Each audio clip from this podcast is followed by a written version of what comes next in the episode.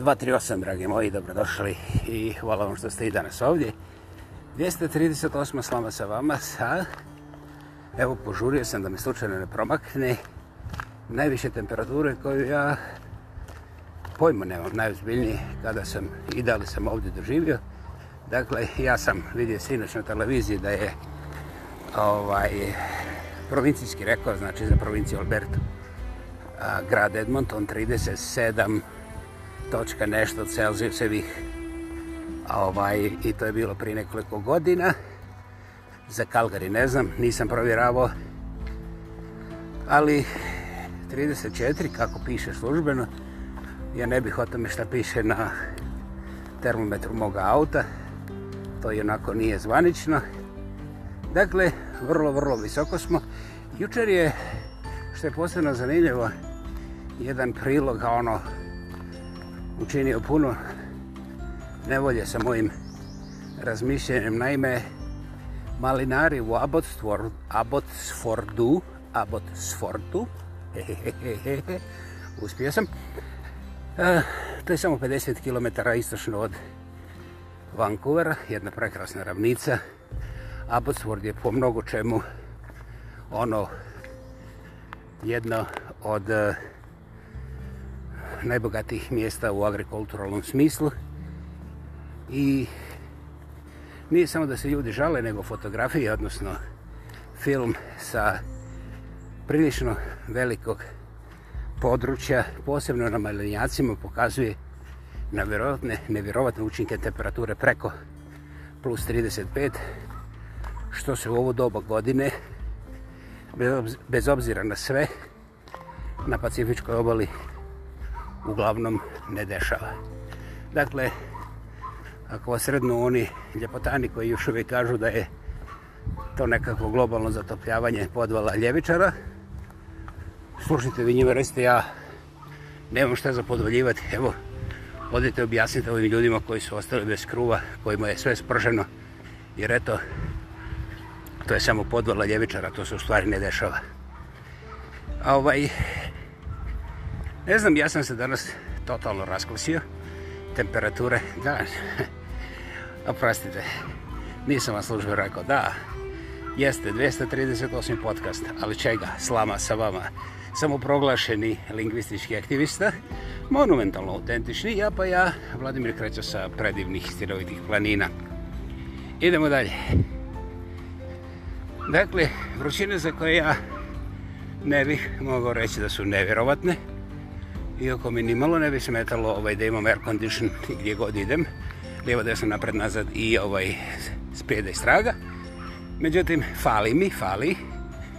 I ovaj, eh, temperature su za ovo geografsko područje doista otišle u one visine koje, evo, kaže vam, vrlo rijetko da su zabilježene u zadnjih 100 godina i ono što kažu prognostičari je da će te temperature potrajeti i povisiti se, jeste, jeste, koliko god divno užareno zvučalo, povisit će se i onda kada te temperature dođu do vrhunca, onda će doći do sukoba toplog i hradnog zraka koji zbog tih naglih i velikih visina, onda puno volatilnije reagira na nadolazeći hladni zrak i onda se tek dešavaju ljepote kao što su tuča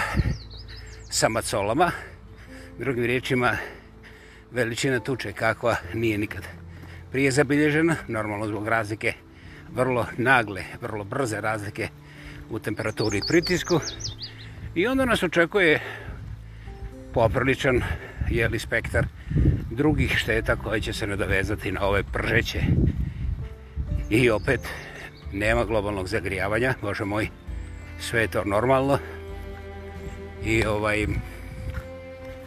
nešto mi je to normalno udaralo u glavu, ali eto, neću, neću, ovaj, neću ispoćeti da sam i ja nekakav ljevičar, da ja tamo naganjam. Šta ja znam, nekakve pravde, nije tako, nije. Yeah.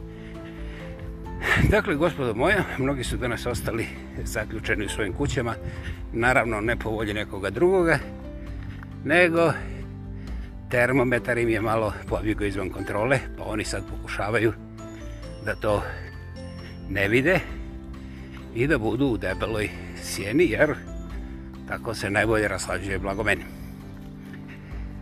Ja naravno ne mogu da zamislim šta ovakav pritisak je i temperatura u ovakvoj sukcesiji koja je poprično a, eratična, jeli, znači nepravilna i prilično ekstremna u kojem god pravcu da krene, jer u vrlo kratkom vremenu se mnogo toga promini. Dakle, ja ne mogu šta, da zamislim šta to znači za ljude koji imaju ugrađena pomagala za preživljavanje, recimo pacemakera. Ovaj, ja mogu samo da se tim ljudima divim, da se pomolim Bogu da im da sve najbolje, jer kada bih ja nekim slučajem bio liječnik, ja danas uopće ne bih otišao na posao, jer doslovce ne znam šta bih mogao ljudima reći, zbog toga što je taj, ta komponenta vremenskih prilika doista izašla iz svih podnošljivih i predvidivih okvira. Sad, da li tu ima globalnog zagrijavanja ili nema, kao što vidite, meni personalno sasvim svejedno.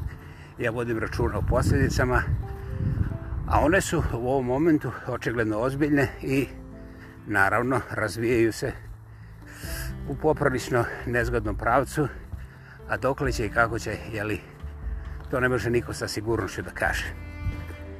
Dakle, ovo sam htio reći ne zbog toga, što sam se zabrnuo kako nisam meteorolog i kako neću nikad biti.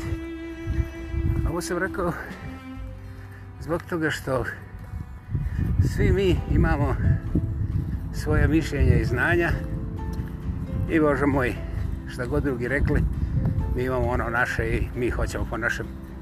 I Bože moj, kao što vidite, pogledajte oko sebe i primjerit ćete, ne možete nikoga zaustaviti niti ubijediti, pa zato vi onda nastavite da burati po svome i opet ko vam išta može.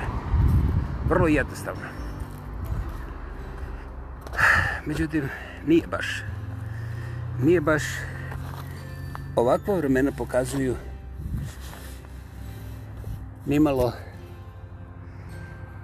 kompromisnu sliku. Naime, nemamo šta raspravljati ako je 34 u hladu, meni neš vjerovati i mom susjedu je. Ako je 34 u hladu, meni i mome susjedu, onda bez obzira što imaju sve moguće airconditione i mom gradonačelniku je također plus 34. Drugim riječima, ove... Ovaj vremenske prilike nam govore da mi možemo imati nekakve oblike zaštite i da ih koristimo na različite načine. Međutim, ne možemo pobići činjenici da smo svi jednako umočeni na plus 34 i da bilo koji od nas bez zaštite ako izađe na tih plus 34 i ostane sat vremena nezaštićen na suncu, pogotovo ako je stariji od 40 godina, doslovce riskira i samo preživljavanje. Dakle, drago moje gospodo, mene se ne zanima da li su to lijevi ili desni, da li je globalno zagrijavanje ili nije. Meni je ovdje stalo da vam kažem kako vrijeme, evo, obična vremenska situacija pokazuje koliko smo umočeni svi, bez obzira na naše boje, bojice i farbe, onda lijeve desne strane i bilo šta. Svi smo umučeni u isti lonac i svi smo na istom kamenu izgubljeni negdje daleko u univerzumu. I ovo bi bilo dobro vrijeme da čovjek porazmisli. Naime, kako god okreneš, istina je da neki imaju air conditione, drugi nemaju. Ali je još veća istina da oni bez air conditiona koji su se, na primjer, sklonili negdje malo dublje u šume ili u hladovinu, da puno bro, bolje prolaze zdravstveno od onih sa air conditionom. Ne bi ja spominjao o, ti, tu legionarsku bolest. Međutim, air condition imaju strašno puno problema i da ono se širok spektar bolesti najozbiljnije. Dakle, kada bi meni neko dao air condition sada, ja se ne bi bunio, ne bi ga bacio, božo moj, to vrijedi. Međutim, ja samo kažem, eto, i u ovakvim uvjetima, čovjek ne mora imati viška novaca da bi bio raslađen i zadovoljan. Ovo je fantastično vrijeme kada možete, ako ste se već dohvatili neke gladovine, razmisliti o svemu u miru bez da ikome polažete račune. I u tom smislu ja ću danas skratiti, da vas ostavim, da vi nađete svoju hladovinu, da popijete svoju osvježavajuću kolu, limunadu ili šta već obična voda radi fantastično i hvala vam što ste bili danas tu uz najljepše pozdrave od vašeg samoproglašenog lingvističkog aktiviste ja pa ja ako bi drugi Vladimir kreće sa predim istinovitih planina i kao i uvijek prije vidimo se ne, prvo se čujemo pa se onda možda vidimo hvala, čao